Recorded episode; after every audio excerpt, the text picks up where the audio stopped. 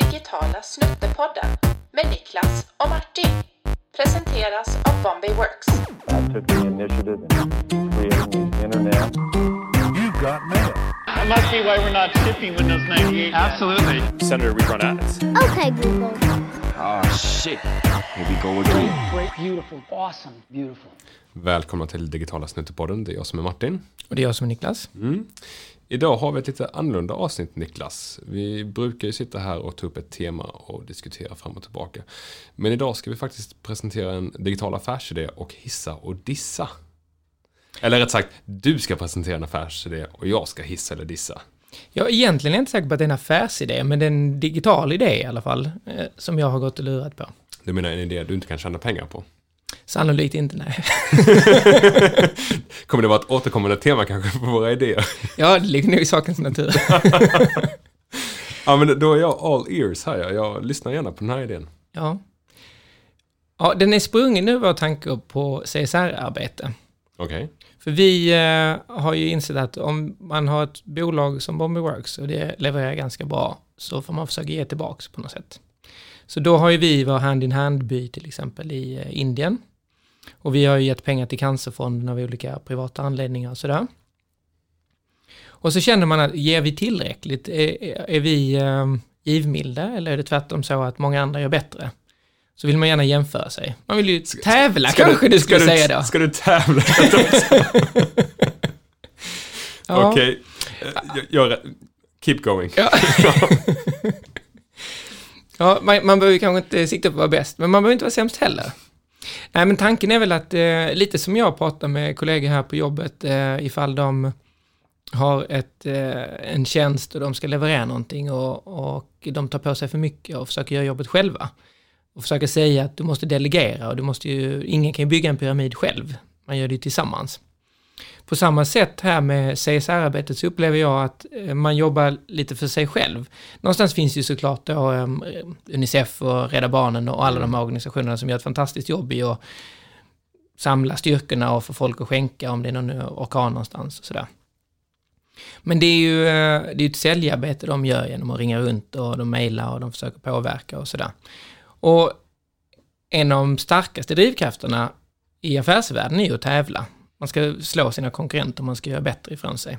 Och man vill visa att man tar ansvar också, är ett annat, en annan drivkraft. Och tittar vi till exempel på Svanenmärkningen, så har ju den drivit fram bättre produkter för miljön och man kan ju som konsument välja en sån produkt för man tycker att det känns bättre. Och då undrar jag om inte man egentligen skulle kunna försöka till, eh, få till en CSR-märkning. På samma sätt som det finns en AAA-märkning, kreditvärdighet. Eh, Jag vet inte vem som står bakom den. Är det um, UC eller vilka är det som gör Jag tror sån? faktiskt, om jag inte missminner att det är Dun Bradstreet. En amerikansk Okej. firma.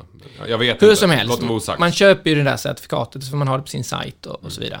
För att visa då att ja, men vi är ett eh, livskraftigt bolag och vi är minsann en bra leverantör till dig. Och jag tror att CSR-arbete och visa att man bryr sig att det är också en väldigt viktig aspekt i varför man blir kanske vald som leverantör, men inte annat också varför man blir vald som arbetsgivare. Och då rimligtvis så skulle man ju kunna säga att ja, men vi ligger på en AA-märkning på vårt CSR-arbete. Och så skulle jag kunna utmana i så fall eh, andra i branschen och säga, ja, men eh, vad ligger ni på då? Ska vi inte försöka nå upp och bli bättre i vår bransch? Och ska vi inte försöka utmana en annan bransch? Så att man då också kan visa det på sin sajt och förklara varför eh, vi gör det vi gör, att gemensamt så är vi starka och så bygger vi en jättefin CSR-pyramid tillsammans. Mm. Och nu lämnar du det till mig att jag ska hissa och dissa en idé för välgörenhet.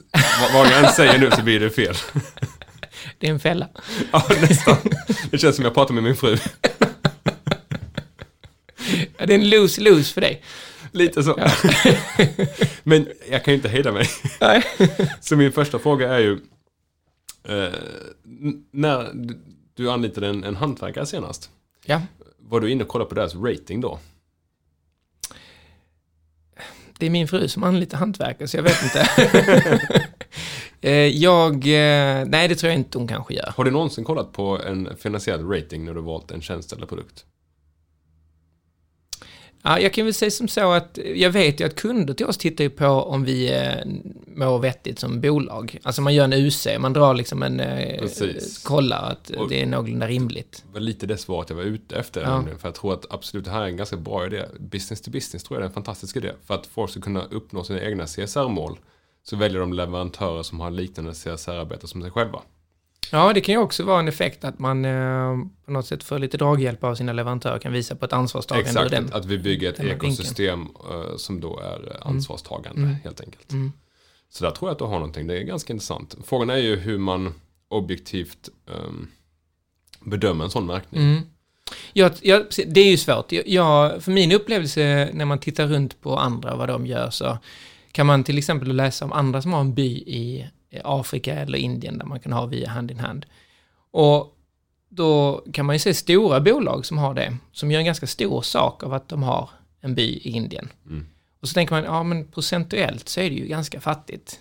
Alltså om man tittar på deras siffror. De borde ha 50 byar. Ja, men lite kanske. Och då, det är förmodligen så att de gör väldigt mycket annat också som, som gör att totalt så adderar det upp till en ganska fin summa eller, eller så, ett, ett gediget arbete. Men det är svårt att bedöma. Precis. Och då tänker jag att egentligen borde det inte vara så svårt att bedöma. Om man, om man tänker på all fin data vi har på alla bolag till exempel, eller motsvarande då, så vet man ju omsättning och man vet ju vinst på bolagen ofta. Och inte så ovanligt är det ju att det i årsredovisningen också finns en post för just välgörenhet.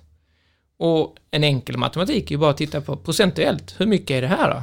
Av din omsättning eller din vinst? Så du tänker, hur mycket har man gett till 90 000 konton egentligen baserat Ja, jämfört med vinst eller Ja. omsättning? Mm. Så kan många säga, ah, men vi gör så mycket annat, vi gör ju arbete själva, vi lägger ner Mm. egen tid och så. Ja, men det är väl bra, det ska ni ju fortsätta med. Men det kanske också är så att ni kan försöka klättra i ratingligan här. Ehm, och man kan ju också lyfta fram det andra, men det skadar väl inte att ha en rating som är fin ur de här procentuella måtten också.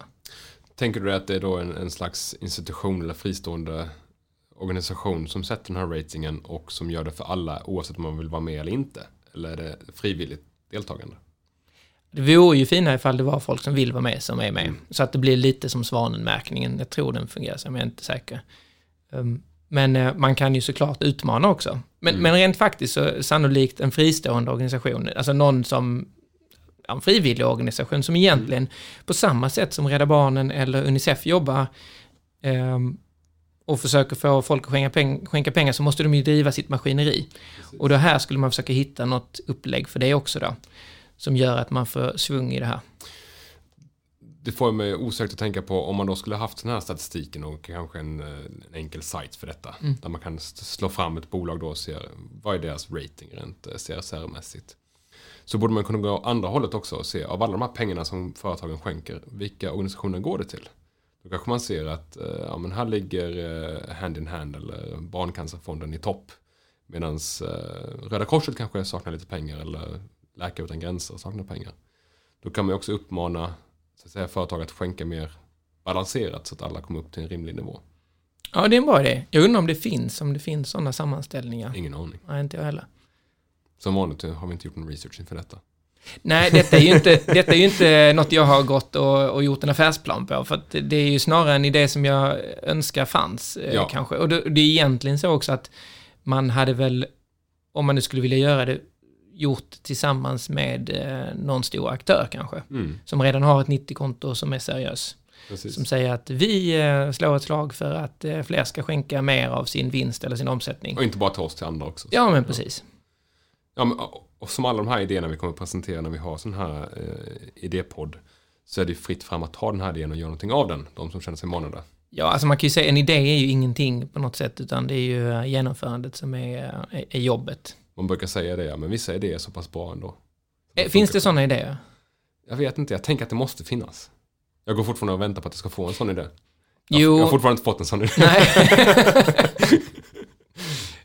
jo, men, alltså, jo, det kanske det finns. Ja men, skivat bröd. Vad fanns, vad, vad fanns för utförande i skivat bröd? Nej, det är klart.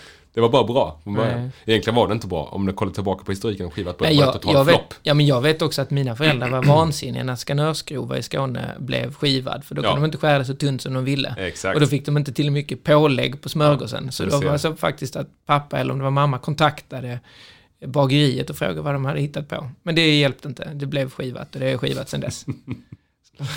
Ja, herregud. Ja. Ja, men tack för det Niklas. Det var bra. Ja, det att- snäll du är, Martin. Men, nej, men den är ju behjärtansvärd kanske. Och det vore ju Det kul den. om det fanns. Och det vore ju bra ifall fler skänkte med. Och kanske vi också skulle kunna bli utmanade att skänka än mer än vad vi gör. Mm. Ehm, så. Kul.